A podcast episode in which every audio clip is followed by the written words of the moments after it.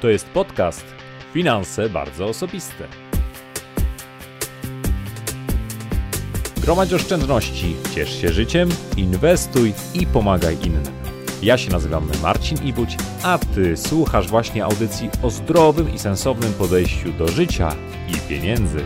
Zaczynamy! Cześć, witam Cię bardzo serdecznie w 67. odcinku podcastu Finanse Bardzo Osobiste. Dzisiaj mam dla Ciebie bardzo ważny i bardzo ciekawy temat, który w bezpośredni sposób dotknie portfeli około 11,5 miliona Polaków. Jeżeli więc słuchasz mnie w drodze do pracy lub w czasie przerwy na lunch w swojej korporacji, albo może w trakcie treningu, na którym relaksujesz się po firmowym spotkaniu, to dzisiejszy odcinek jest zdecydowanie dla Ciebie. Za kilka miesięcy czeka Cię bowiem ważna decyzja, która wpłynie po pierwsze na wysokość Twojego wynagrodzenia, a po drugie na ilość pieniędzy, jakie będziesz miał do dyspozycji po 60. Wkrótce zostaniesz automatycznie zapisany do PPK, czyli pracowniczego planu kapitałowego i będziesz musiał zdecydować, czy chcesz w nim pozostać, czy może jak najszybciej wypisać się z niego. Aby pomóc Ci w mądrym i świadomym podjęciu tej ważnej decyzji, przygotowałem dla Ciebie dwa naszpikowane konkretnymi, przydatnymi informacjami materiały. Pierwszy to rozbudowany i pełen konkretnych przykładów artykuł opublikowany na blogu Finanse Bardzo Osobiste, w którym znajdziesz odpowiedzi na najważniejsze pytania dotyczące PPK. Wyliczenia, przykłady, mnóstwo informacji o tym, jak działają pracownicze plany kapitałowe. Spędziłem długie godziny, aby ten artykuł dla Ciebie przygotować i co znacznie ważniejsze, cały czas nad nim pracuję i co kilka dni regularnie go uzupełniam aktualnymi informacjami stanowiącymi odpowiedzi na kolejne pytania czytelników FBO. Artykuł okazał się na blogu 10 stycznia tego roku, a jego tytuł brzmi Pracownicze plany kapitałowe wszystko, co musisz wiedzieć o PPK. Wiem, że słuchasz teraz podcastu, ale koniecznie, zdecydowanie przeczytaj tamten artykuł. A jeśli już go czytałeś, to rzuć jeszcze raz okiem, bo prawdopodobnie doszły tam już kolejne nowe informacje. Drugi materiał dotyczący PPK to właśnie dzisiejszy podcast – Podcast, który stanowi naturalną kontynuację i uzupełnienie do tamtego artykułu. Wprowadzenie pracowniczych planów kapitałowych budzi wiele emocji i kontrowersji. No i na te emocje i kontrowersje nie znajdziesz odpowiedzi w treści ustawy. Świetnie ilustruje to na przykład komentarz Anny, która na Facebooku zapytała tak. Przeżyłam już książeczkę mieszkaniową, gdzie po latach odkładania przez moich rodziców pokaźnych jak na tamte czasy sum starczyłoby na jeden metr kwadratowy mieszkania. Przeżyłam ofę i informację, że to nie są moje pieniądze. Myślę, że sama sobie zadbam o swoje pieniądze, bo inaczej będą znikać jak te ZUSowskie. Jak widać, rządzący robią co chcą i zaufania do nich nie mam żadnego. No właśnie.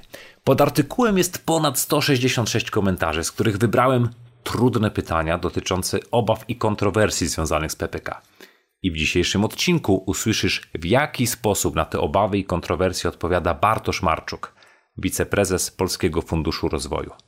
PFR jest partnerem zarówno tamtego artykułu, jak również dzisiejszego podcastu, a o okolicznościach, w jakich doszło do tej współpracy, przeczytasz również w tamtym artykule.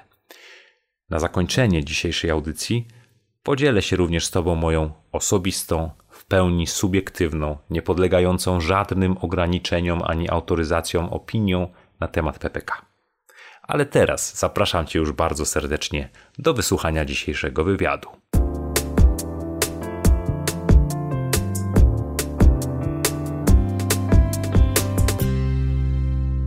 Dzień dobry, panie Bartoszu, witam serdecznie w naszym podcaście. Witam serdecznie, dzień dobry. Bardzo mi miło, że przyjął pan zaproszenie. No i wyzwanie, bo pytania, które mam do zadania są trudne. To są pytania od czytelników bloga Finanse, bardzo osobiste, ale ponad 160 komentarzy już w tej chwili pod tym artykułem, bardzo duże zainteresowanie. To pokazuje, jak temat jest ważny, jak wiele budzi emocji. Zanim przejdziemy konkretnie do pytań czytelników, do niejasności, do kontrowersji wokół pracowniczych planów kapitałowych, niech pan powie, po co nam w ogóle PPK? No, potrzebne nam jest PPK, czyli pracownicze plany kapitałowe, po to, by no, gdzieś tam na stare lata, kiedy wiadomo, że nie będziemy zdolni do pracy, mieć dodatkową poduszkę finansową w postaci tych ekstra pieniędzy. To jest tak naprawdę z punktu widzenia indywidualnej osoby najważniejszy cel, a z punktu widzenia tak powiedzmy makro czy zbiorowości całej, no wiadomo jest, że Polacy, zwłaszcza po tych swoich traumach historycznych, no nie mają specjalnie e, takiej tendencji, żeby oszczędzać pieniądze. Coś, co jest bez wątpienia ważne, żeby jakieś, jakieś zaskórniaki mieć i tego rodzaju program oczywiście no, buduje pewien, e, pewną dobrą atmosferę wokół dodatkowego oszczędzania. No z punktu widzenia makro też to jest ważne dla gospodarki, dlatego że wiadomo, że większa e, masa czy pieniędzy, które są oszczędzane, powoduje, że gospodarka co do zasady, tak jak modele makro pokazują, może, mo, mogą przedsiębiorstwa więcej inwestować. Poza tym, że pan pracuje teraz, jest pan wiceprezesem Polskiego Funduszu Rozwoju, jest pan też ekonomistą, studia doktoranckie z ekonomii, więc rozumiem, że możemy sobie fajnie również pewne tematy tutaj podrążyć. Czyli co? Po to PPK, żeby wyższe były emerytury, to jest jeden punkt, i drugi, żeby było więcej długoterminowych oszczędności w gospodarce?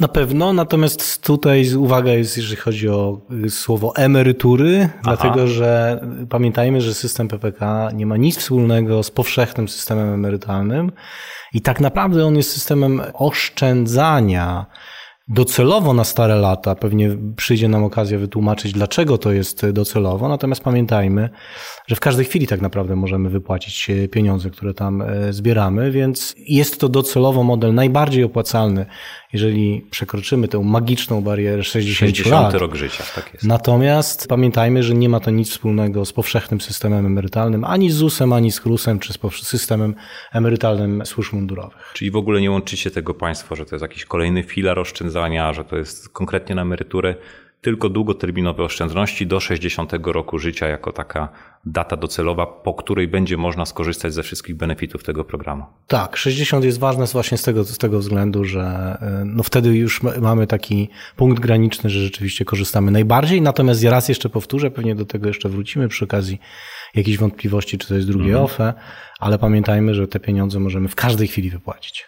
Czy mógłby Pan jeszcze powiedzieć, bo rozmawiamy w siedzibie Polskiego Funduszu Rozwoju, Jaka była i jaka nadal jest rola Polskiego Funduszu Rozwoju w pracach nad PPK?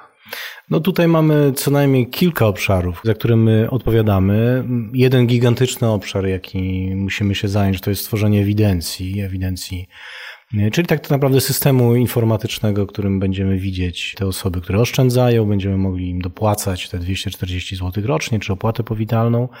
Druga rzecz, którą musimy się zająć, to jest stworzenie contact center czy call center, Część tego konsulter już jest stworzona, już odbieramy telefony od y, czy to pracowników, czy pracodawców.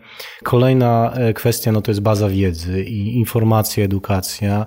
Jest specjalna spółka powołana, spółka zależna od y, PFR-u, portal PPK, która mm, dysponuje zarówno wiedzą, jak i też trenerami, czyli tutaj jesteśmy otwarci absolutnie i to jest też nasza rola bardzo ważna, żeby zagospodarować pracodawców i zagospodarować niewiedzę, czy napięcie, czy lęki pracodawców, jak to wdrożyć, czy wdrożyć ile to będzie kosztować, czyli to jest ta, ten cały mhm. element edukacyjno, ale też trenerski. Mamy zespół trenerski, który tworzymy, który też będziemy wystawiać do mm, pracodawców.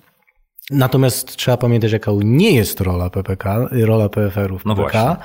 dlatego że to często się ludziom myli, to często są te demony, wokół, które krążą wokół PPK, między innymi właśnie, a to przyjdzie to po to się powołuje to PPK, żeby sobie teraz na przykład jakieś inwestycje infrastrukturalne, dzięki mhm. temu PFR mógł tak. te pieniądze przejąć i ten PFR zainwestuje no, w... Ten temat też podrążymy tak, właśnie podrążymy, natomiast pamiętajmy, rozmowy. że PFR nie ma nic wspólnego z inwestycjami.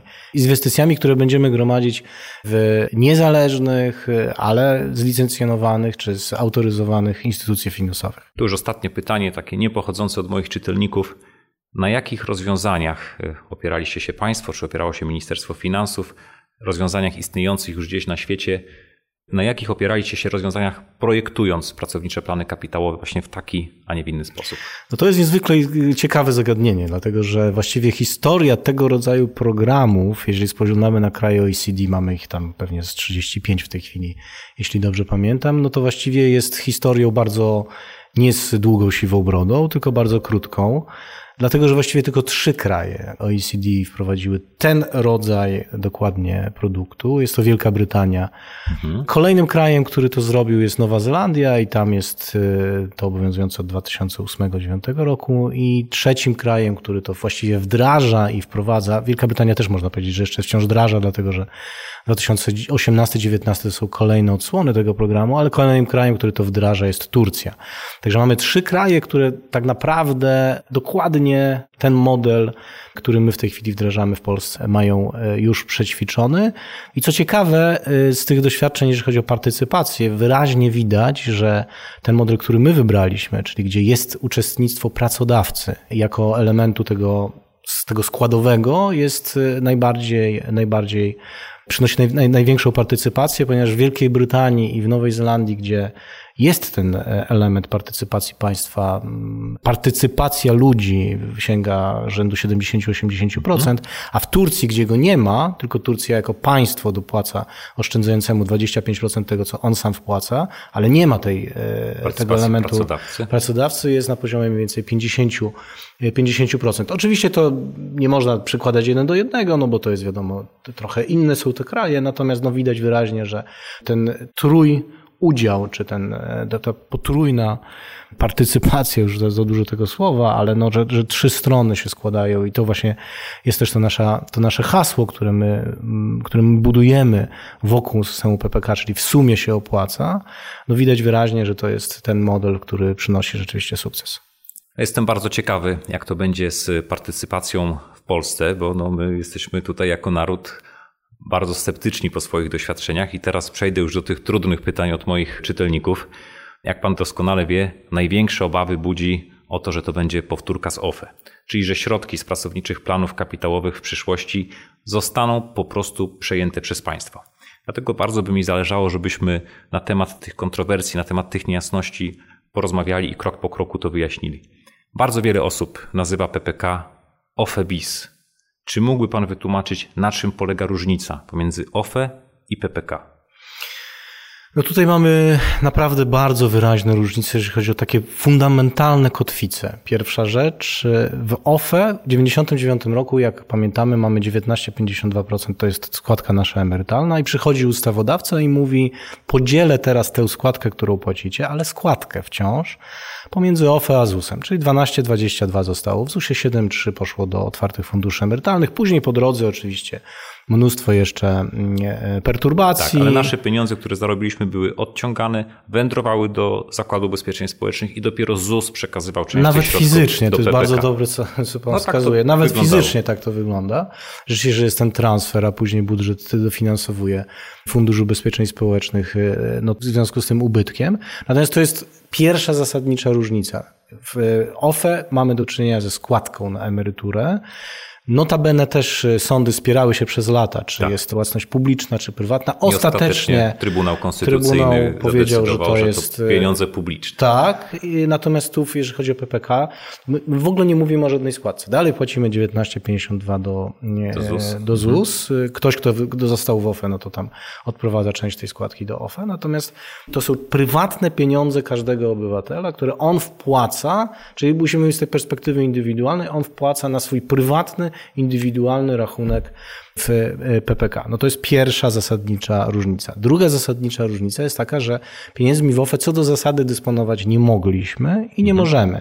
Czyli e, dalej, mamy przymus ubezpieczeniowy, jak mamy tytuł do ubezpieczenia, który nakazuje nam opłacać składkę emerytalno-rentową, płacimy, i nie mamy tutaj nic do powiedzenia. Jeżeli chodzi o PPK, i to jest druga zasadnicza różnica, mamy po pierwsze bardzo dużo do powiedzenia na etapie akumulacji, czyli chociażby to, że możemy decydować o tym, jaki portfel sobie inwestycyjny wybrać i możemy w każdej chwili te pieniądze wypłacić. To jest niezwykle ważne.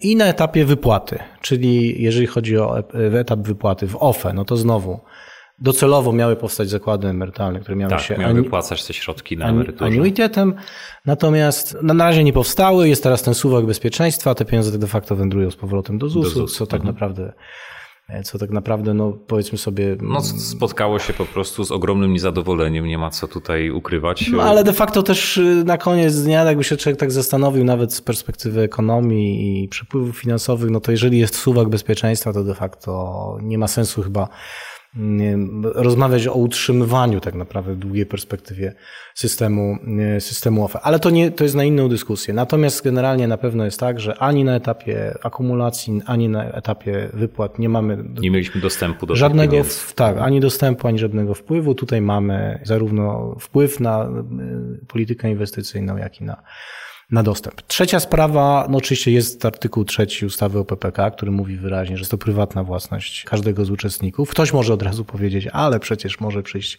państwo i, i no zaraz to zmienić. Będę tutaj przytaczał komentarze. Tak. Natomiast tak. biorąc pod uwagę fakt, że możemy w każdej chwili się wycofać z PPK, no to wyobrażam sobie, że gdyby nawet zaczęła się debata wokół tego, czy na przykład te pieniądze jakoś przejąć, ale jeszcze zaraz do tego przejdę, bo to jest czwarta rzecz ale no to możemy w każdej chwili zagłosować nogami, a właściwie rękami, wypisując po prostu rezygnację z PPK i w tym momencie politycy e, powiedzą tak, no dobrze, chcieliśmy to przejąć, ale przecież Specjalnie się tego nie da zrobić, bo masowo ludzie wycofali te pieniądze. No właśnie, pozwolę sobie podrążyć ten temat, przytaczając jeszcze komentarze tutaj pytania czytelników, bo faktycznie w ustawie o PPK znajduje się bezpośredni zapis, że środki w PPK stanowią prywatną własność uczestnika. I to faktycznie w porównaniu z OFE jest ogromna różnica. Oczywiście o tym zapisie czytelnicy i osoby, które znają treść ustawy, doskonale wiedzą. Czy ich to uspokaja? No nie bardzo, dlatego pozwolę sobie zacytować pewne opinie. Nones Sasiu pisze tak. A co jeśli państwo w chwili potrzeby postanowi wykreślić z ustawy akapit o tym, że środki są prywatne? Czy będzie to zgodne z konstytucją? Albo Julia dopytuje. Pieniądze są nasze i w odróżnieniu od OFE mamy to jasno w cudzysłowie zagwarantowane, celowo piszę w cudzysłowie, bo co to za gwarancja, jak każdą ustawę można zmienić w ciągu jednej nocy? No właśnie, co mógłby Pan odpowiedzieć na to obawy? No tak jak mówię, znaczy po pierwsze mam w tyle głowy to, żeby podchodzić do tego rodzaju obaw z wielkim szacunkiem. To jest jedna rzecz. To znaczy, to nie jest tak, że my tutaj siedzimy i mówimy, a ci głupi ludzie, co oni tam myślą. To jest wielki szacunek i, i, i też zrozumienie dla tych obaw, tak? Ja słyszę te rezonujące lęki, obawy i absolutnie rozumiem to. to no, nie jest tak- zasady tak... nie wchodź dwa razy do tej samej rzeki. No ludzie się boją. Mieli ofę, widzieli reklamy, wesołe życie staruszka, że to będą ich pieniądze. Dokładnie nagle najpierw wyrok Trybunału Konstytucyjnego to nie są wasze pieniądze, później fizycznie pieniądze tak naprawdę przekazywane z, z OFE do ZUS, więc no, jest naturalnym, że boją się powtórki z rozrywki. Powiedziałbym tak, że Gdybyśmy sobie wyobrazili, że komuś przyszłoby do głowy, by znacjonalizować te pieniądze, przejąć, no to równie dobrze moglibyśmy sobie wyobrazić, że komuś przyjdzie do głowy znacjonalizować czy przejąć nasze lokaty w bankach, nieruchomości czy samochody. Ja świadomie używam takiego porównania, używam go publicznie, ponieważ to jest ten sam model ingerencji państwa we własność, czyli no oczywiście można sobie teoretycznie taką sytuację wyobrazić, ale biorąc pod uwagę po pierwsze samą konstrukcję, to nie jest tylko zapis w ustawie, tylko to jest tak naprawdę no, po prostu fakt. Mhm. Ja rezygnuję z części swojej bieżącej konsumpcji i odkładam ją na swoim indywidualnym rachunku. Mój pracodawca wypłaca swoje prywatne pieniądze, dopłacając do tego, do tego e, mojego indywidualnego, prywatnego rachunku. I to po prostu, no, to jest zupełnie inna historia niż OFE, kiedy ustaliliśmy na samym początku, że mieliśmy do czynienia ze składką, która notabene ostatecznie zostało rozstrzygnięte, że jest własnością Czyli poziom publiczną. poziom, użyjmy takiego stwierdzenia, poziom prywatności tych środków dla Pana jest identyczny z poziomem prywatności środków na depozytach bankowych. Absolutnie tak. Tak to już jest z reformami, że jedne rządy je wprowadzają, a inne następnie je odwracają. Więc naturalnie rodzi się pytanie, które zadał na blogu Przemysław. Pyta tak. Dopytaj swojego gościa, czy jak przyjdzie za x lat inna ekipa, to czy mogą zmienić ustawę i środki znowu, tak jak OFE, jednak nie będą nasze, tylko państwa. No właśnie, no, tego nie da się zagwarantować, że w przyszłości ktoś nie przyjdzie i nie zechce jednak na tych pieniądzach tak samo położyć jak rękę. nie da się pewnie zagwarantować tego, że no nie przyjdą, nie wiem, za 20 czy 30 lat jakieś coś neobolszewicy i nie powiedzą, że nasze lokaty w bankach są ich własnością. Ale to jest ten sam rodzaj ingerencji państwa w własność. Także no tutaj oczywiście z szacunkiem dla tych obaw trzeba to tłumaczyć i mówić, natomiast mechanizm i mechanika tego oszczędzania plus y, te bezpieczniki, czyli że mogę w każdej chwili to wycofać, no powinny przekonywać albo powinny skłaniać, no może nie przekonywać, bo to pewnie długa praca, żeby przekonywać, że faktycznie te pieniądze są bezpieczne. To jeszcze wróćmy do związku pomiędzy OFE i PPK. Bardzo wiele pytań dotyczyło tej kwestii i dlatego moim zdaniem te pytania są jak najbardziej trafne. Na przykład takie, które zadał Tomasz. Dlaczego rząd wprowadza PPK bez wcześniejszego zamknięcia sprawy OFE? Przekazanie przykładowo środków z OFE na PPK lub IKE jako bonus powitalny z pewnością zwiększyłoby zaufanie do programu. Przecież była taka propozycja i niestety ucichła.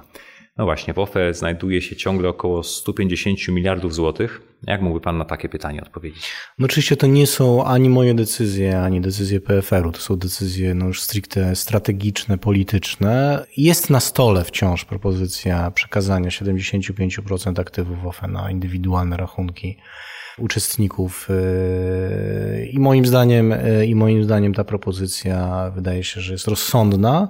Czyli gdzieś zakłada pan z tyłu głowy, że może się tak zdarzyć, że pieniądze w OFE ostatecznie trafią w jakiejś części na rachunki pracowniczych planów kapitałowych? Nie mogę tego w ten sposób określić, dlatego że no po prostu nie wiem tego, tak? To znaczy, czy jaka jest y, decyzja dotycząca. Mówię tylko o faktach, czyli mówię o tym, że na stole ta propozycja została położona. No, wydaje się, że to było takie logiczne i, i też wspierałoby sam program na, na starcie, gdyby rzeczywiście taką decyzję podjąć i pokazać, że proszę bardzo, jako powitalny bonus macie środki z OFE, zgodnie z obietnicą, teraz prowadzamy PPK, to się wszystkim opłaca, no byłoby znacznie łatwiej. Wydaje się, że rzeczywiście by to pomogło, czyli gdybyśmy rzeczywiście mieli od razu na start, no nie tylko tę opłatę powitalną 250 zł i nie te składki bieżące, tylko no, średnio w OFE pewnie jest kilkanaście, kilkadziesiąt tysięcy złotych i te pieniądze mielibyśmy na powiedzmy sobie takim rachunku PPK+, tak, czyli w rachunku, oczywiście ktoś, kto nie przystąpił do PPK, no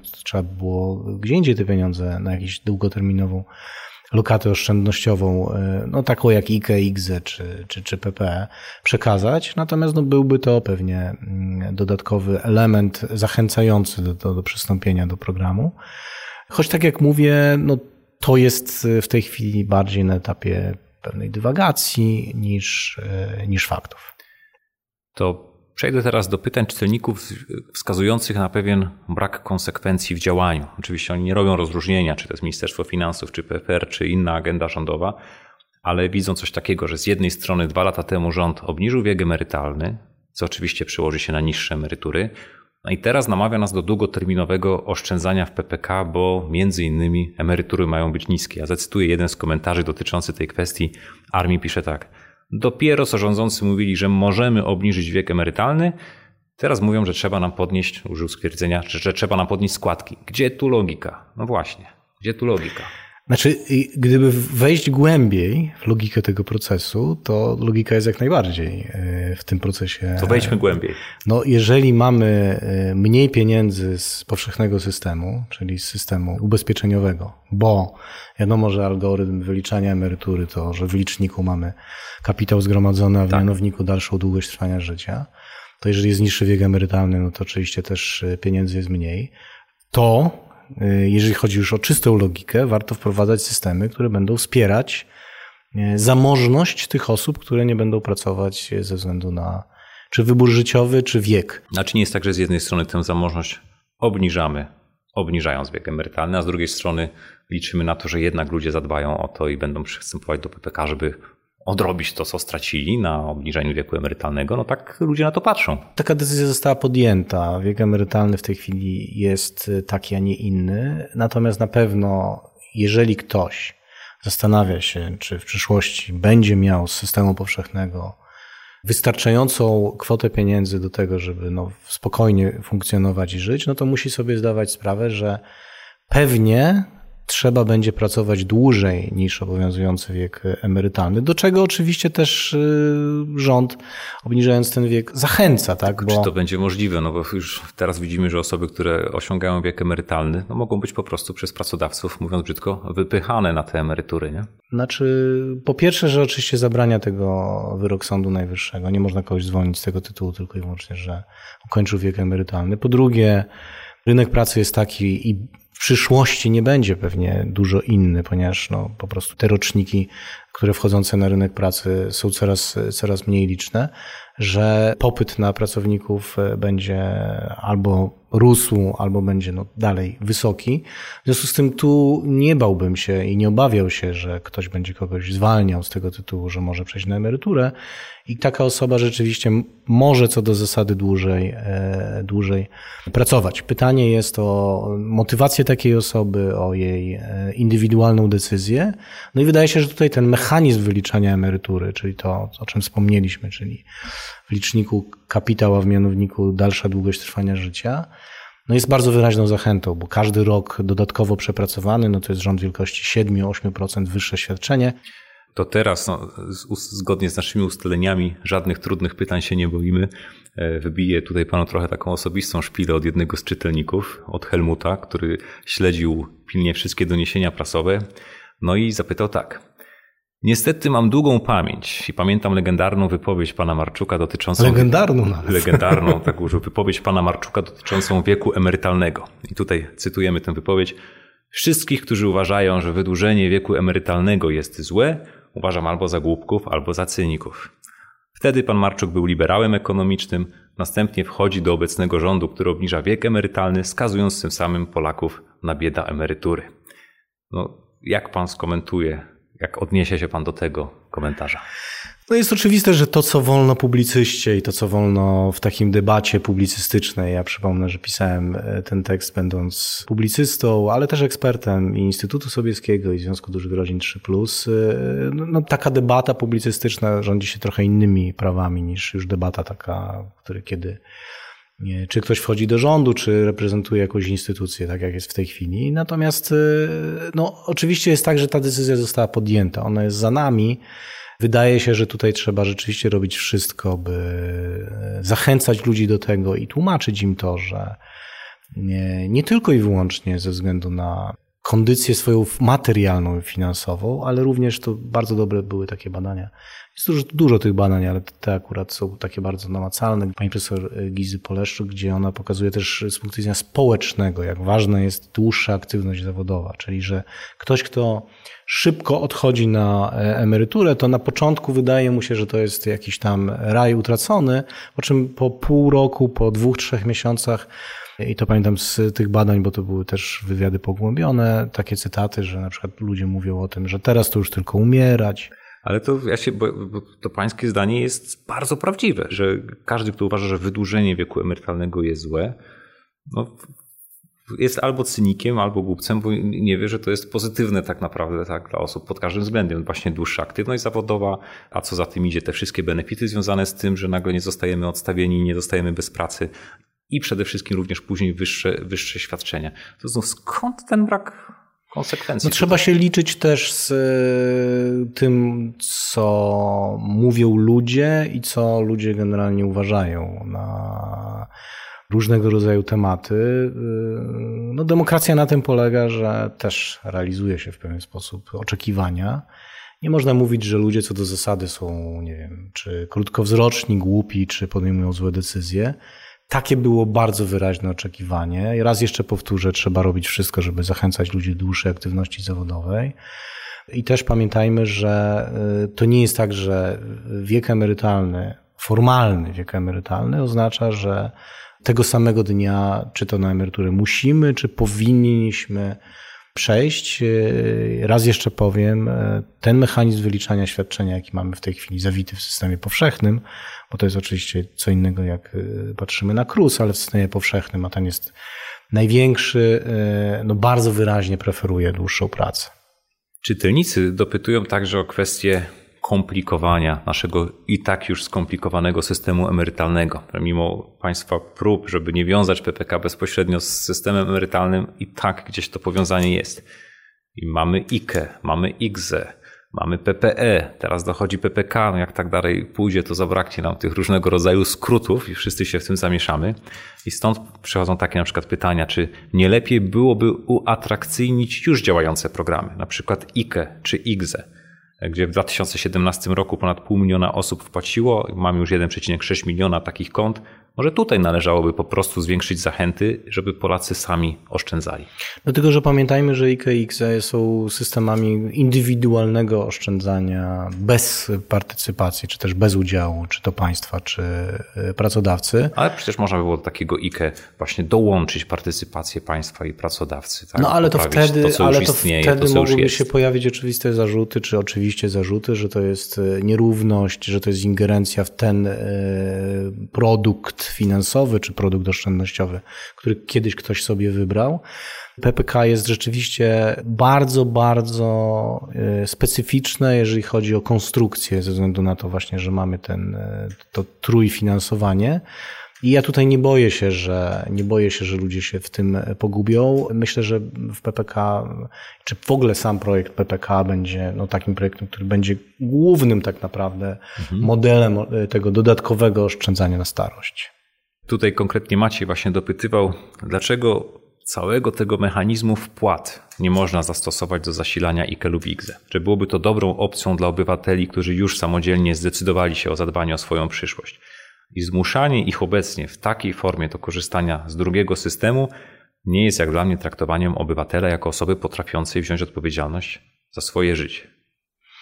Znaczy nie bardzo rozumiem to słowo zmuszanie, znaczy nikt nikogo do niczego nie zmusza. Program PPK jest absolutnie dobrowolny, jest to oferta tak naprawdę z punktu widzenia indywidualnej osoby niezwykle wręcz atrakcyjna. E, możemy zaraz jeszcze do tego przejść. Natomiast pamiętajmy, no tutaj, że tutaj jest pełna dobrowolność uczestnictwa PPK. I to jest inny system. IKX to są płatności indywidualne, bez partycypacji jakiejkolwiek. E, właściwie państwo tylko stwarza pewne ramy e, prawne, ale tutaj nie ma udziału finansowego, czy to pracodawcy, czy budżetu państwa. PPK taki udział ma i dlatego to jest osobny, osobny system. A czy nie obawiacie się Państwo, że PPK wcale nie spowoduje, że ludzie zaczną więcej oszczędzać, że tych długoterminowych oszczędności, o których rozmawialiśmy na początku, będzie przybywać? Tutaj przytoczę fragment z raportu Grape zatytułowanego Świat bez PPK byłby lepszy. Wprowadzenie PPK ma wiązać się według tego raportu z tak zwanym efektem wypychania, że skoro już odkładam na jedną kubkę, tak nazwijmy to kolokwialnie, czyli na PPK, no to przestanę odkładać w inny sposób. I tutaj ekonomiści z Grape założyli, że ten efekt wypychania będzie na poziomie 0,7, czyli że każda złotówka odłożona w PPK sprawi, że oszczędności na inne cele spadną o około 0,73 złotego. No i tak jakby się nad tym zastanowić, to faktycznie te budżety domowe nie są z gumy. Jeśli pracownik otrzyma niższy przelew od pracodawcy, bo po pierwsze będzie musiał odłożyć, znaczy będzie musiał, jeśli przystąpi do PPK oczywiście, to będzie musiał odłożyć część na PPK ze swojej kieszeni i dodatkowo opłacić podatek od tej części, którą płaci pracodawca, no to rzeczywiście ten przelew na jego konto będzie niższy. Te budżety nie są z gumy, więc pieniędzy do zaoszczędzenia na inne cele będzie mniej. Dokonywaliście Państwo takich analiz? Dziwię się profesor Jasi Tyrowicz, że no, firmuje ten raport swoim nazwiskiem, no bo ona rzeczywiście odpowiada tutaj, jest rzeczywiście twarzą Grape, dlatego że i trochę sparafrazuje to, czy nawet nie sparafrazuje, tylko zacytuję swojego szefa, Pawła Borysa, który powiedział o tym, że świat bez tego raportu byłby lepszy.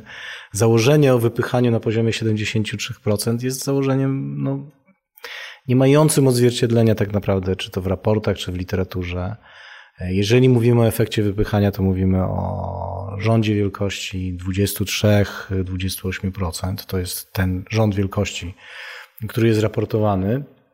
Także no, y, oczywiście też y, szanując absolutnie Grape, też czytam je, ich opracowania, no akurat tutaj trochę bym powiedział, że y, przesadzili, jeśli chodzi o też takie formalne założenia. Zresztą sami tam zastrzegają w tym raporcie, że oczywiście y, bardzo dużo zależy od tego, jakie założenia przyjmiemy. I tam druga mm, linia krytyki dotyczy oczywiście anuitetu, czyli że nie będzie anuitetu. Tak. Trochę jest to też nadużycie, dlatego że oczywiście My jesteśmy jak najbardziej za tym, by anuitety oferowały, by rynek stworzył anuitety. Nawet będziemy pewnie próbować do tego zachęcać, zachęcać, czy jeżeli trzeba, to nawet ustawodawcę prosić o to, by regulował te kwestie.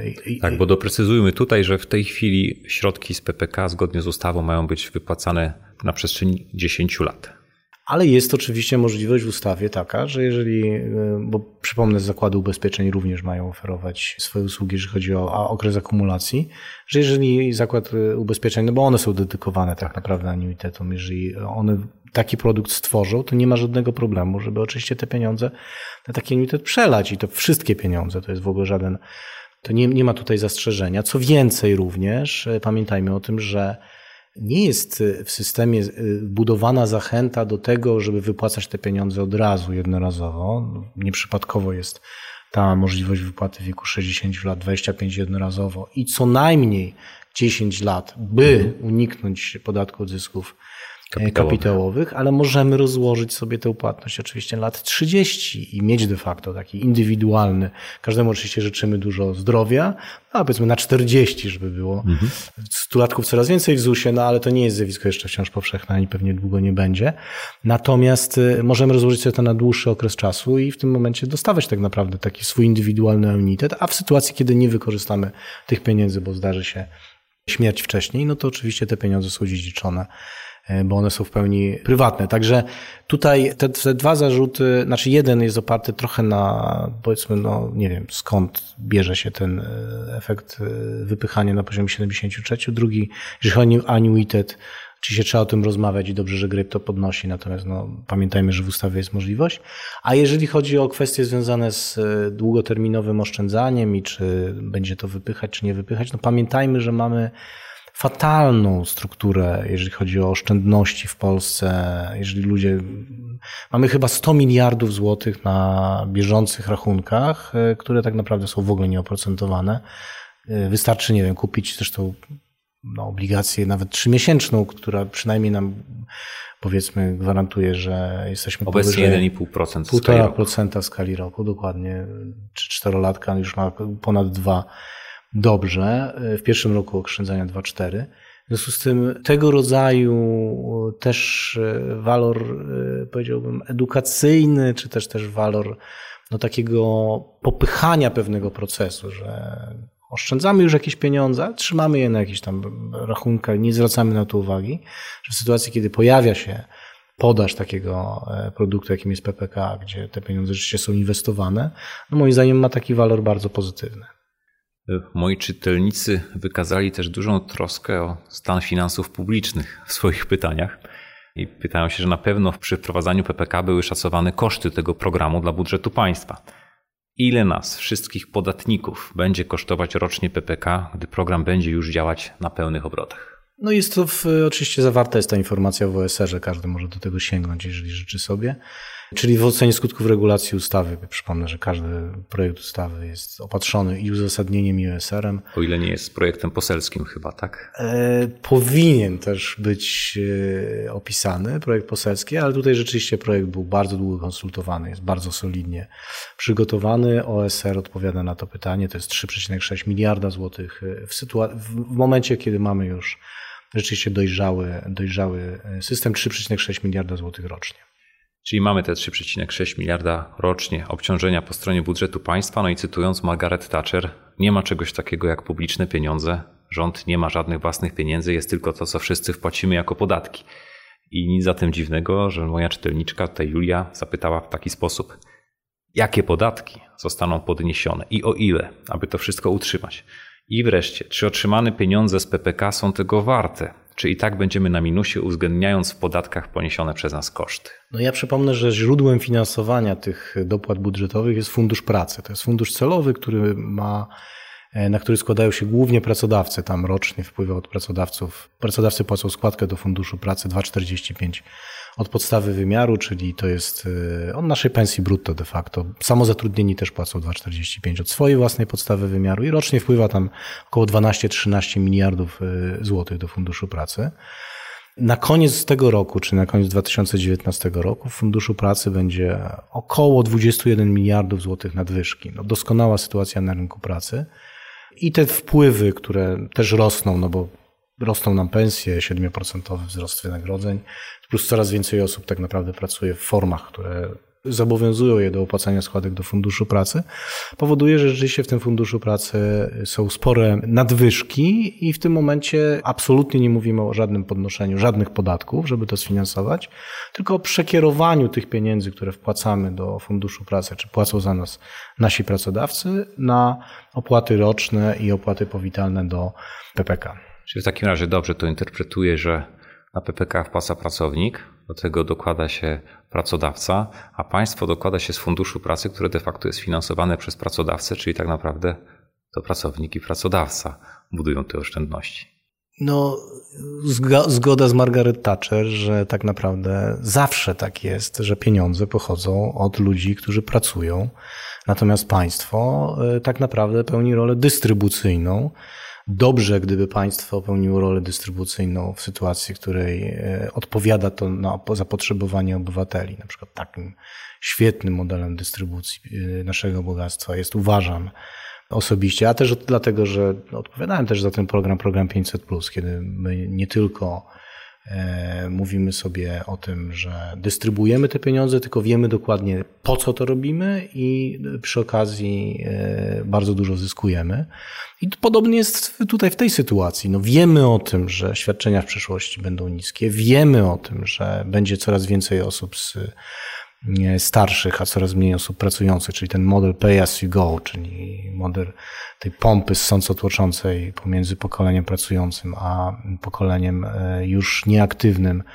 E, gdyby chcieć utrzymywać wysokie stopy zastąpienia, no, trzeba będzie albo podnosić podatki czy składki i w związku z tym e, no, w ten sposób dystrybuujemy to bogactwo, które w tej chwili jest. Ono oczywiście, jak każde bogactwo, pochodzi z pracy tak naprawdę, y, z pracy ludzi czy z, z, z pracy kapitału. Natomiast y, no, to jest y, bardziej taki no, pewien filozoficzne mhm. spojrzenie na, na całość, ale z drugiej strony dość, dość oczywiste. Chciałbym, żebyśmy teraz porozmawiali trochę właśnie o tym, w jaki sposób te pieniądze będą inwestowane, bo one będą inwestowane na rynkach kapitałowych i też prawdopodobnie stąd pochodzi to porównanie e, z OFE. Swoją drogą dzisiaj sprawdziłem, jakie są stopy zwrotu z OFE od uruchomienia w 1999 roku.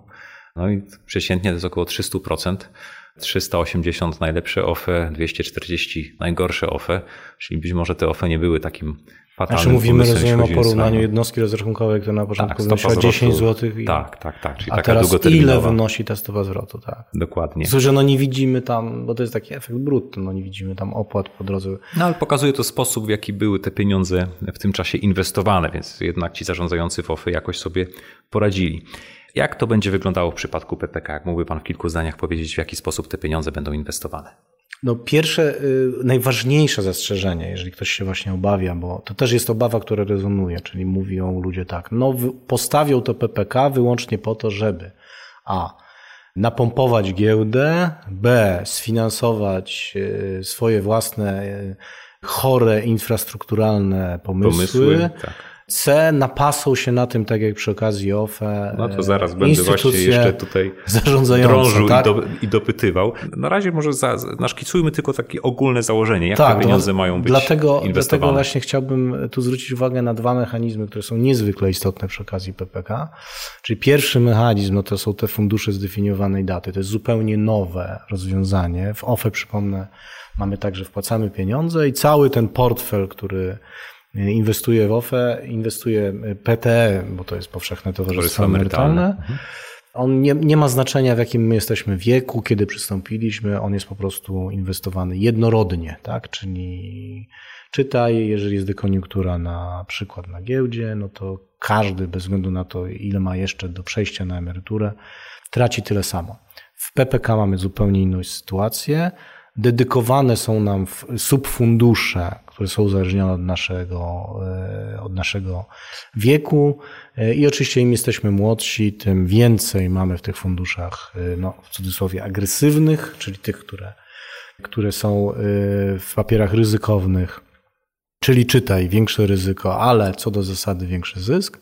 Im jesteśmy starsi, to one są, te pieniądze przenoszone do bardziej bezpiecznych czy też no właściwie my idziemy i te papiery są tam kupowane bardziej bezpieczne, by przed 60 rokiem życia skończyć na poziomie akcji do 15, do 15%. Czyli wraz z upływem czasu ta struktura się zmienia w taki sposób, że im bliżej do tego naszego 60 roku życia, tym bardziej bezpieczne lokowane są Dokładnie. pieniądze.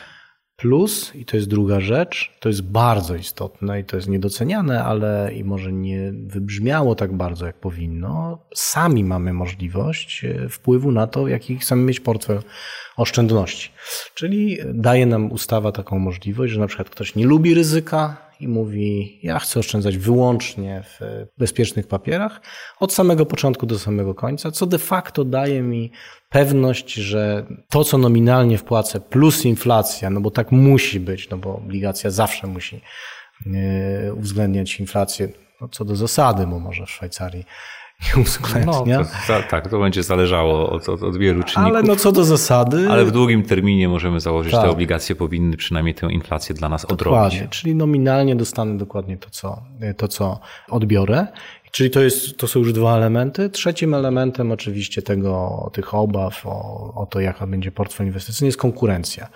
Czyli w OFE, i tu znowu nawiązuję do OFE, no to jest trochę jednak taki z punktu widzenia zarządzających monkey biznes, no bo państwo zmusza mnie, żebym wpłacił e, obowiązkową składkę, ja wpłacam do tego OFE i one nie muszą tak naprawdę specjalnie konkurować o e, osoby. E, wynikami inwestycyjnymi. Wystarczy tylko, że są powyżej tej średniej ważonej stopy zwrotu, żeby z kolei akcjonariusze nie dopłacili, akcjonariusze mhm. PTE, kary za to, że nie osiągnie się tej średniej ważonej stopy zwrotu. Natomiast tutaj mamy do czynienia z, jednak z dużą konkurencją, czy będziemy mieć, mam nadzieję, ale to będzie konkurencja realna, to będzie konkurencja o uczestników de facto tego systemu wynikami inwestycyjnymi, czyli jeśli ktoś sobie wyobrazi, że jakiś fundusz będzie chciał, nie wiem, tylko i wyłącznie inwestować pieniądze w, nie wiem, przyszły port, na przykład, nie wiem, w koło brzegu, absolutnie nie mam nic przeciwko temu, żebyśmy dali taką podaż na rynek obligacji takich korporacyjnych. Natomiast gdyby tak się wydarzyło, że tylko i wyłącznie to, no to oczywiście ludzie mogą zagłosować nogami.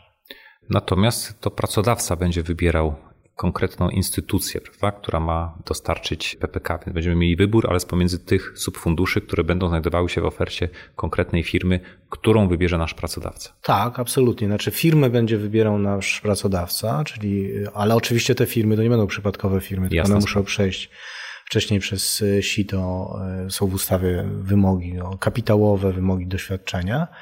Natomiast pamiętajmy, że ten pracodawca ma obowiązek skonsultować to z e, reprezentacją pracowników. No i oczywiste jest, że w sytuacji, kiedy taka reprezentacja pracowników e, zobaczy, że w pewnym momencie no, ta instytucja finansowa gorzej sobie radzi, jest najdroższa, inwestuje źle, mogą przyjść do pracodawcy i powiedzieć: wybierzmy coś, kogoś innego, no bo ten nam nie dowozi. W polityce inwestycyjnej zapisanej w ustawie wiemy, że środki zainwestowane mają być dzielone oczywiście w różnych proporcjach pomiędzy akcje i obligacje. I teraz, kiedy przypominam sobie debaty na temat OFE, wtedy kiedy w eter szły argumenty, dlaczego OFE ma być rozwiązane, no to jednym z takich argumentów za ich likwidacją był fakt, że inwestują w obligacje skarbowe. I to słusznie przypomniał mój czytelnik w takim komentarzu. Marcin pisze tak. Fakt przeniesienia środków z OFE na zapis ZUS był tłumaczony tym, że środki i tak były zainwestowane w obligacje Skarbu Państwa i że nie opłaca się płacić odsetek i dawać kasy funduszom za zarządzanie. A teraz znowu przy PPK mówimy o tym, że będą kupować obligacje Skarbu Państwa. No właśnie, Panie Bartoszu, dlaczego gdy OFE inwestowały w obligacje, to zdaniem polityków nie miało to sensu, a kiedy PPK ma inwestować w obligacje, to nagle jest już sens? Że ja bym postawił e, taki znak zapytania dla wszystkich, którzy się zastanawiają nad tym, jak ta polityka inwestycyjna ma wyglądać, żeby oni zastanowili się tak naprawdę ze swojego indywidualnego punktu widzenia, jak chcieliby, żeby wyglądała. No bo ja rozumiem zastrzeżenia dotyczące porównania inwestycji OFE w obligacje i tego, czy to było złe, czy dobre. Natomiast zastanówmy się, czy chcielibyśmy na przykład, by takiej możliwości nie było.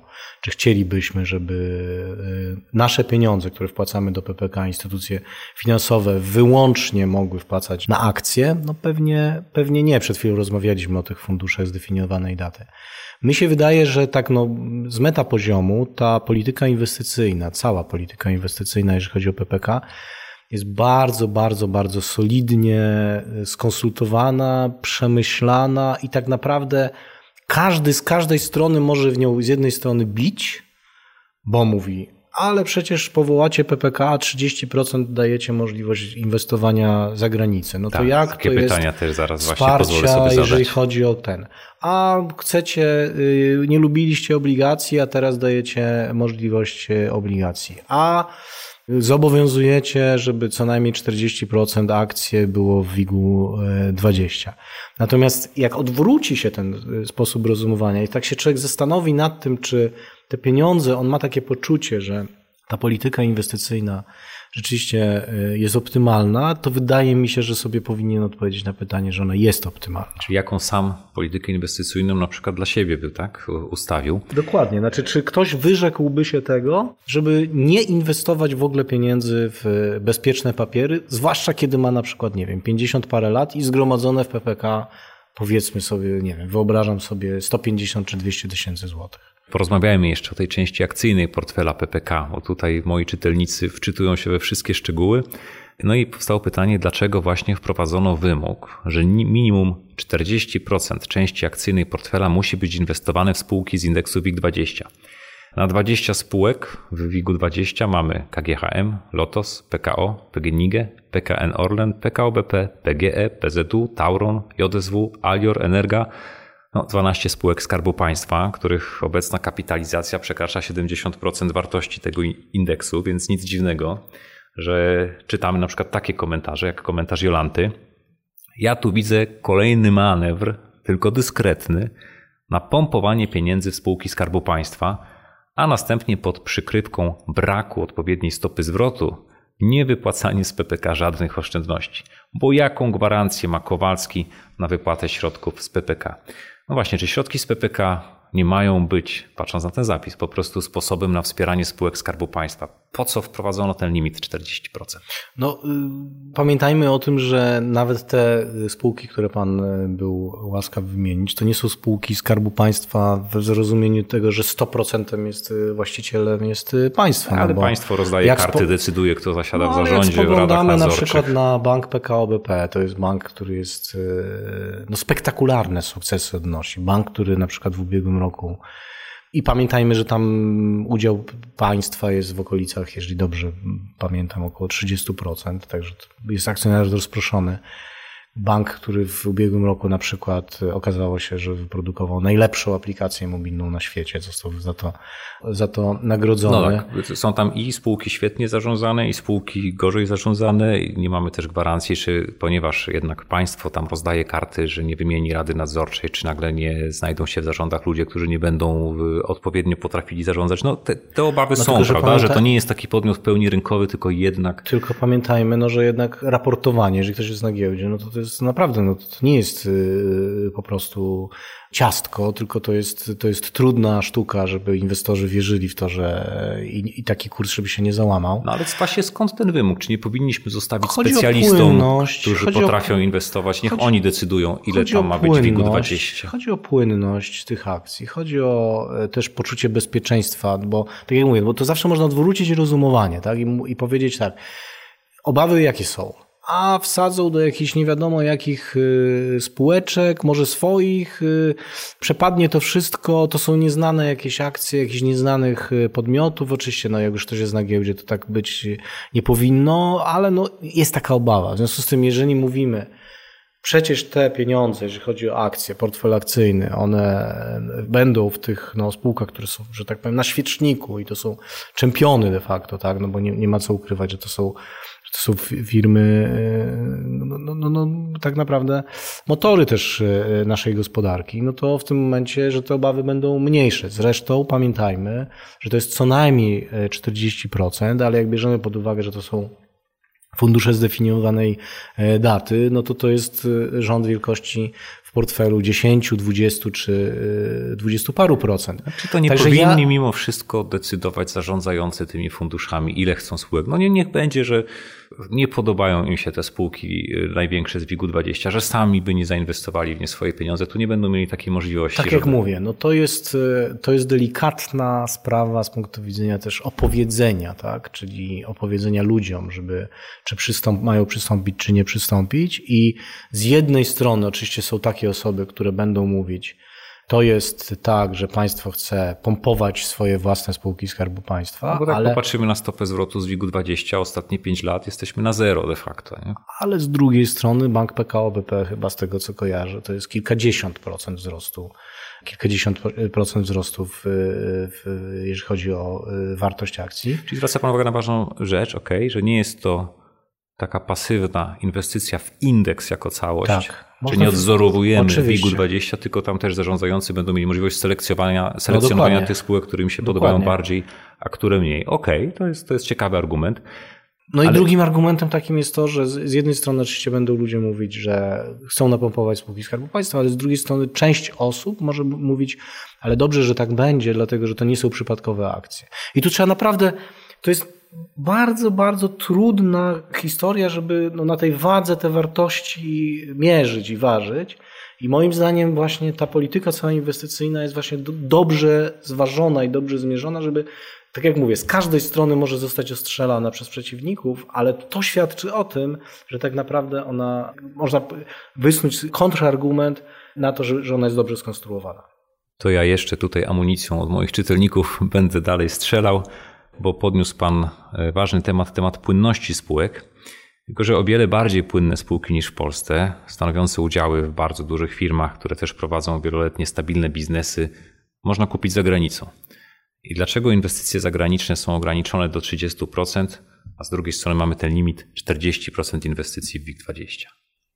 No to jest ta sama odpowiedź na to samo pytanie. Tak? Czyli to jest no, kwestia równowagi z punktu widzenia oglądu sytuacji, jeżeli powiedzieć by, że 100% można za granicą, no to oczywiście każdy powie, ale to właściwie, no nie wiem, skonstruowali system, który będzie w tej chwili finansował finansował, finansował tak, zagraniczne przedsiębiorstwa.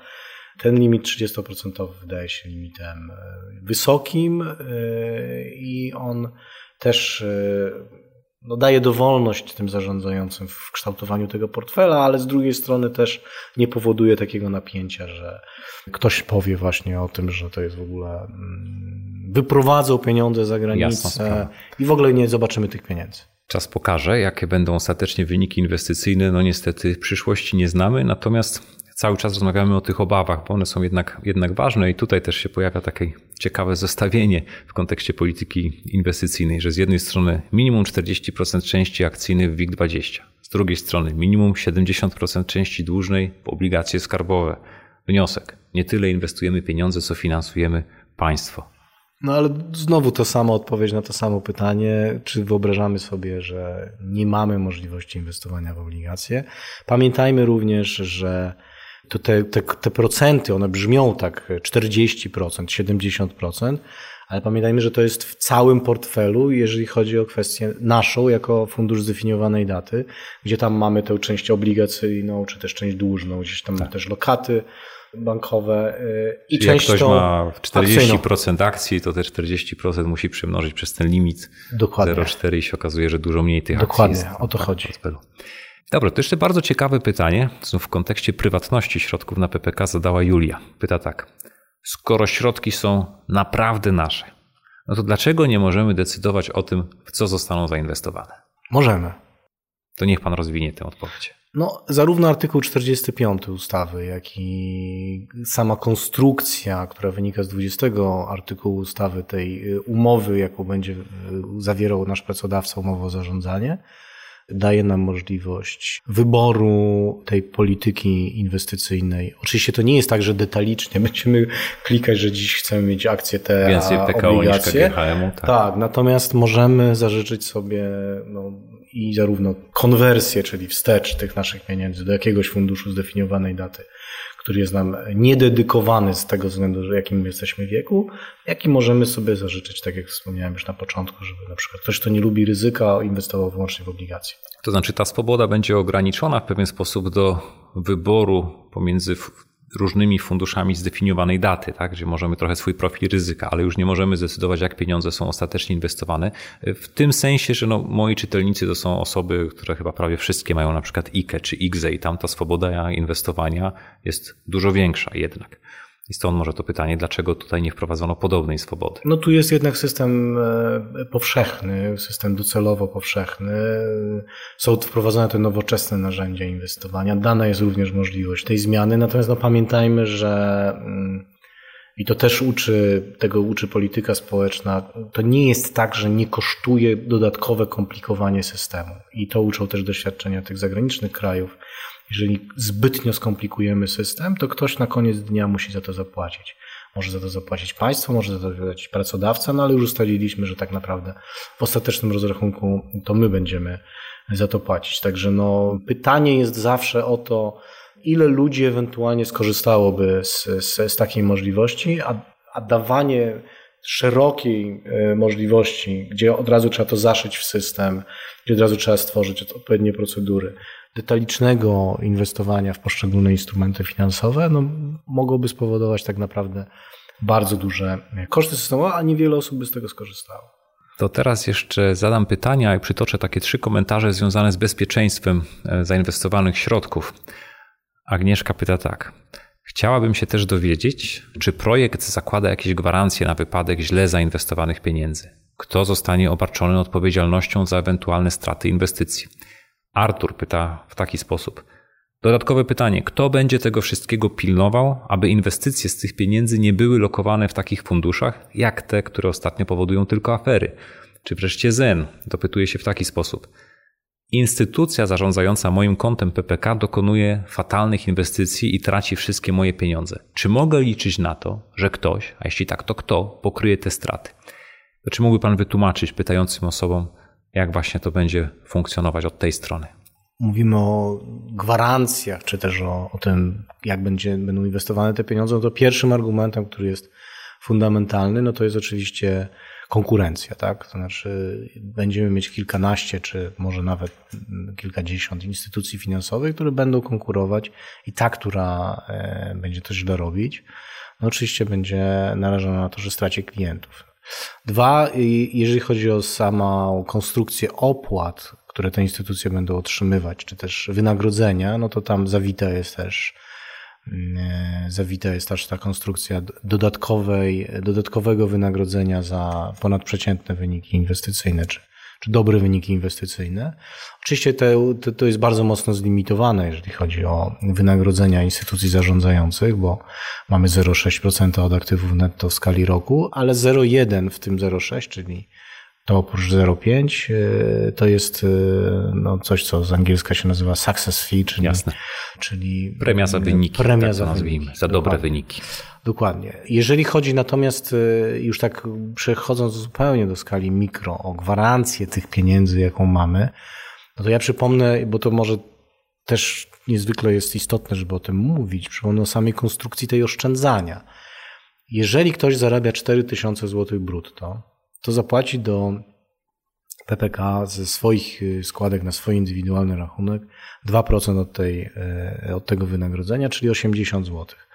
No i teraz uwaga, pracodawca zapłaci nie mniej niż 60 zł i uśredniając budżet 20 y, zł miesięcznie. Czyli my wpłacając 80 zł, już na koniec tego samego miesiąca jesteśmy kolokwialnie mówiąc w cudzysłowie 80 y, do przodu. Minus Także, jeszcze podatek, który zostanie pobrany od części płaconej przez pracodawcę. No ale my nominalnie mamy te 160 zł.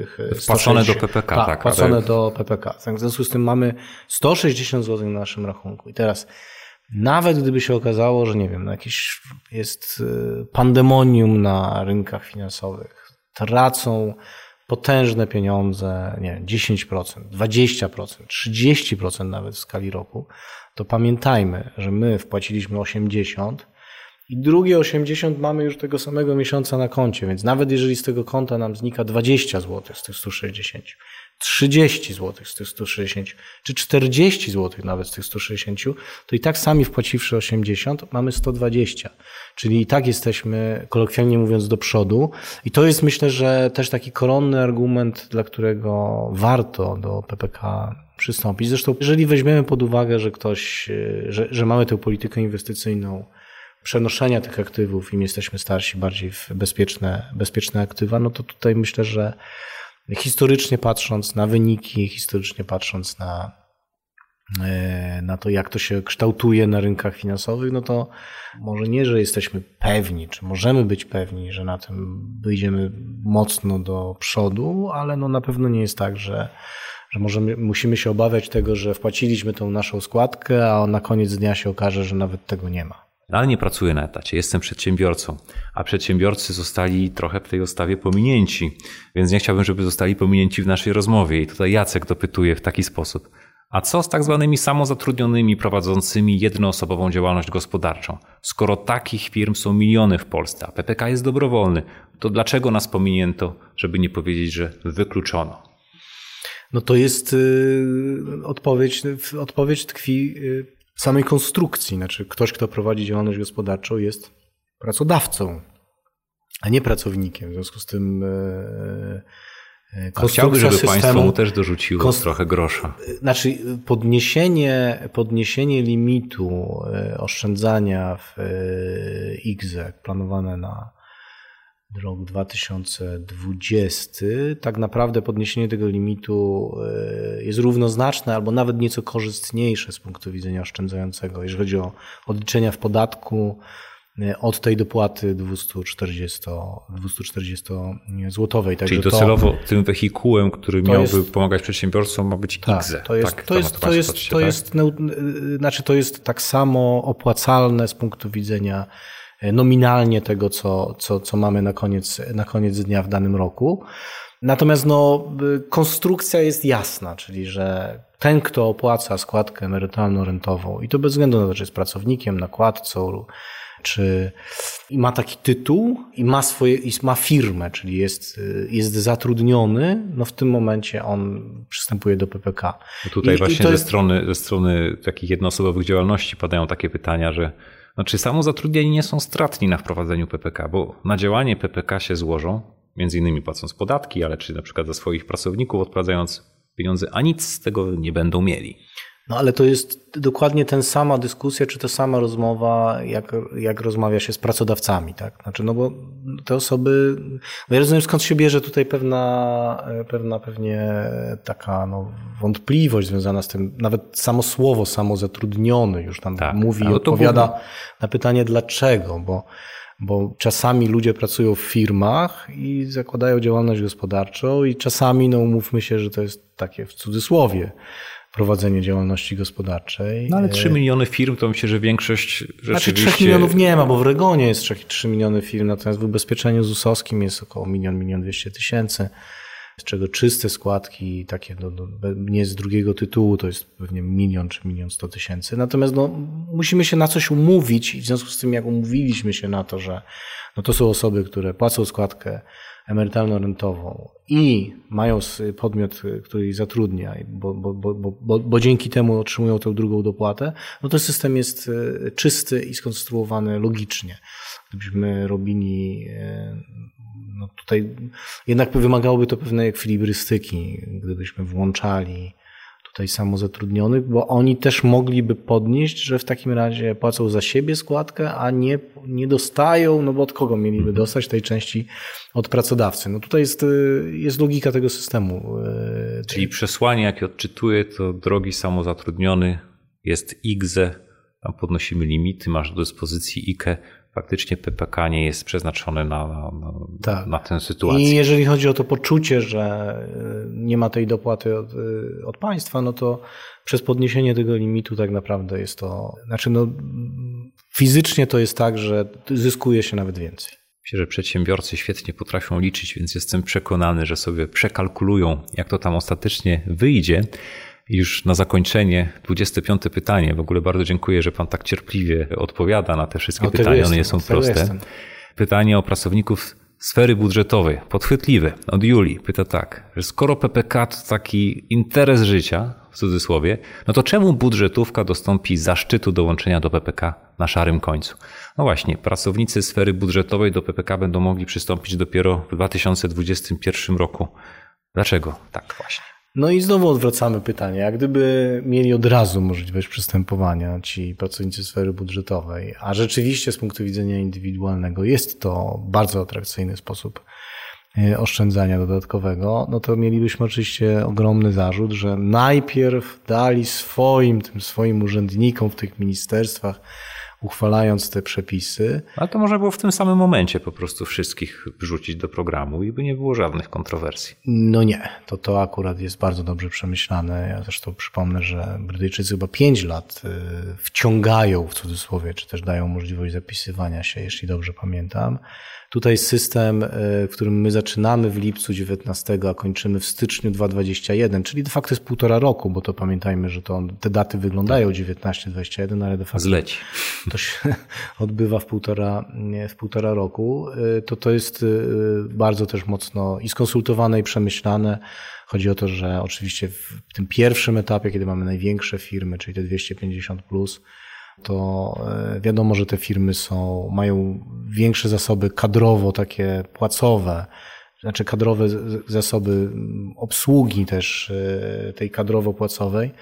No i to, to też e, jest tak, że te duże, te duże podmioty, one przejdą jako pierwsze przez, przez zapisywanie i to dla nich nie będzie no, tak bardzo trudne, złapią to doświadczenie dla małych podmiotów, które na przykład zatrudniają jedną czy dwie osoby, no to myślę, że tu można by było od razu, jeżeli byśmy wszystkich, wszystkim powiedzieli, no to można by było ich w cudzysłowie, ale nieco wystraszyć. W związku z tym to jest dobrze przemyślane, że ten proces wchodzenia jest rozłożony właśnie tak od największych do najmniejszych podmiotów, łącznie z tym, że na końcu jest też budżetówka. Czyli po 2021 Gdyby chciał Pan na zakończenie, dosłownie w kilku zdaniach, podsumować, czy zachęcić osoby sceptyczne do uczestnictwa w PPK, to bardzo proszę. Znaczy tak, ja. Y, jeżeli chodzi o podsumowanie, to oczywiście raz jeszcze powtórzę, że podchodzę do wszystkich tych obaw z wielkim szacunkiem i jesteśmy od tego, żeby te obawy rozwiewać, tłumaczyć, wyjaśniać. Jestem do dyspozycji i dla Pana czytelników, i dla wszystkich ludzi, którzy mają wokół tego wątpliwości. A jeżeli ktoś się teraz tak zastanawia indywidualnie, co zrobić, to ja proponowałbym dość racjonalną strategię w tej historii.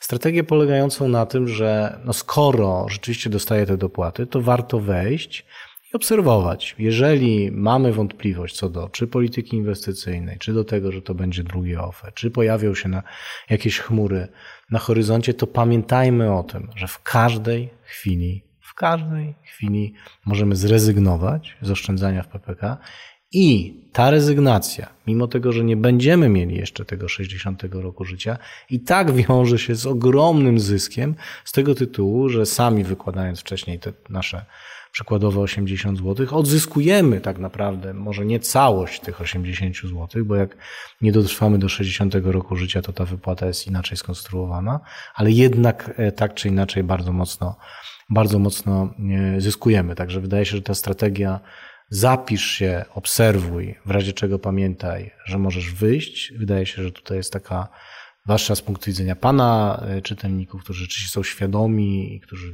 widzą, jaka, e, no widzą, widzą dużo, tak, to wydaje się, że tutaj jest najbardziej racjonalna. Dziękuję serdecznie. Moim gościem był Bartosz Marczuk, wiceprezes Polskiego Funduszu Rozwoju. Dziękuję uprzejmie.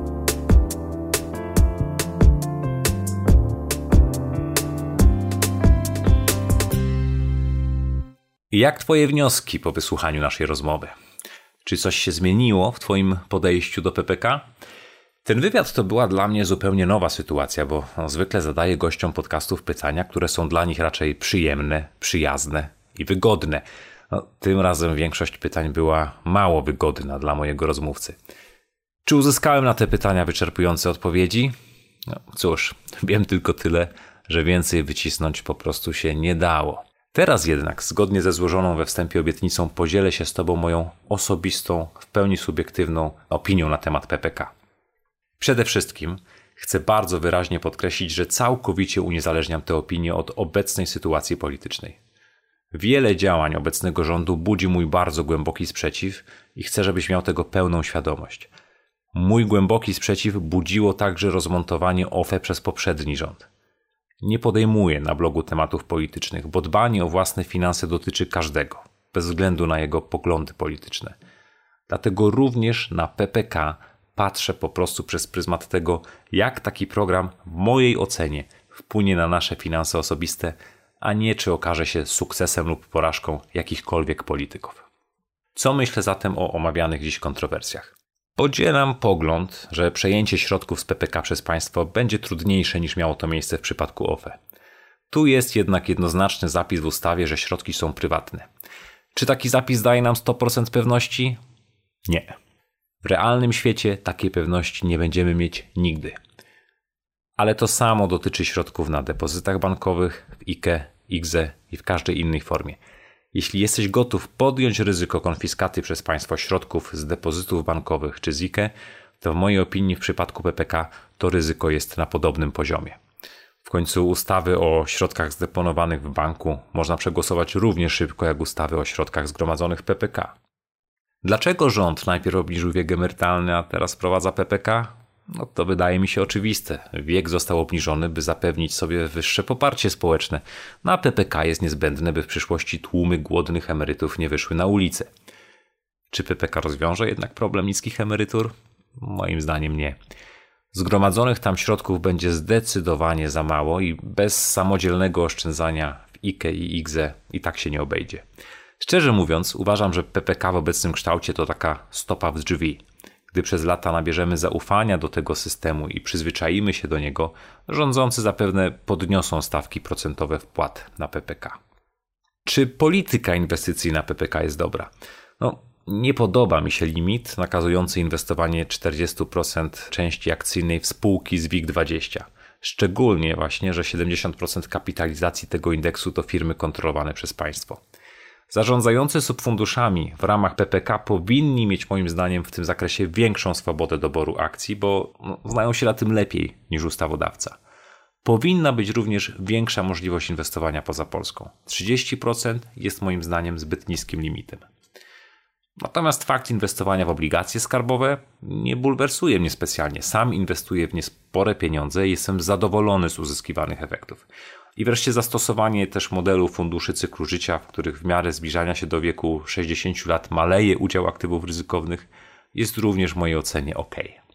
Czy przystąpiłbym zatem do PPK pracując na etacie? Biorąc pod uwagę fakt, że do odkładanych przeze mnie pieniędzy dokłada się pracodawca i w niewielkim stopniu państwo, tak, przystąpiłbym. Wpłacałbym jednak minimalną kwotę. To jest 2% wynagrodzenia brutto, bo dopóki nie ma wymogu, by pracodawca powiększał swoją dopłatę, gdy rośnie moja, to ja nie widzę specjalnie powodu, by swoją wpłatę powiększać. Obserwowałbym przez kilka lat, jak to wszystko funkcjonuje jeśli nie byłbym zadowolony z efektów lub politycy rozważaliby niekorzystne zmiany, to po prostu bym się ewakuował. No dobrze, to tyle na dziś. To był długi odcinek, więc gdybyś miał dodatkowe pytania odnośnie mojej opinii, to proponuję przenieść tę naszą dyskusję już do komentarzy na blogu. Jestem też bardzo ciekawy Twoich wrażeń na temat dzisiejszego odcinka, bo pierwszy raz wykorzystałem podcast w taki właśnie sposób, czyli do zadawania gościowi trudnych i niewygodnych pytań. I przede wszystkim pamiętaj proszę, że przygotowane przeze mnie informacje na temat funkcjonowania PPK znajdziesz w artykule Pracownicze plany kapitałowe wszystko, co musisz wiedzieć o PPK. Nie czerp wiedzy tylko z tego podcastu. Ten podcast to jest uzupełnienie do artykułu. Artykuł cały czas uzupełniam, jego treść się rozrasta i w oparciu o zadawane na blogu pytania coraz więcej kwestii tam wyjaśniamy i rozstrzygamy. No dobrze. Dziękuję Ci bardzo serdecznie za ten wspólnie spędzony czas. Życzę Ci wspaniałego dnia, wieczoru, poranka, a może nocy. Nie wiem o jakiej porze mnie słuchasz chyba w nocy o PPK to byłoby ciężko, nie? Ale jest mi niezmiernie miło, że spędziłeś ze mną aż tyle czasu. Pozdrawiam Cię bardzo serdecznie, trzymaj się, wszystkiego dobrego, cześć.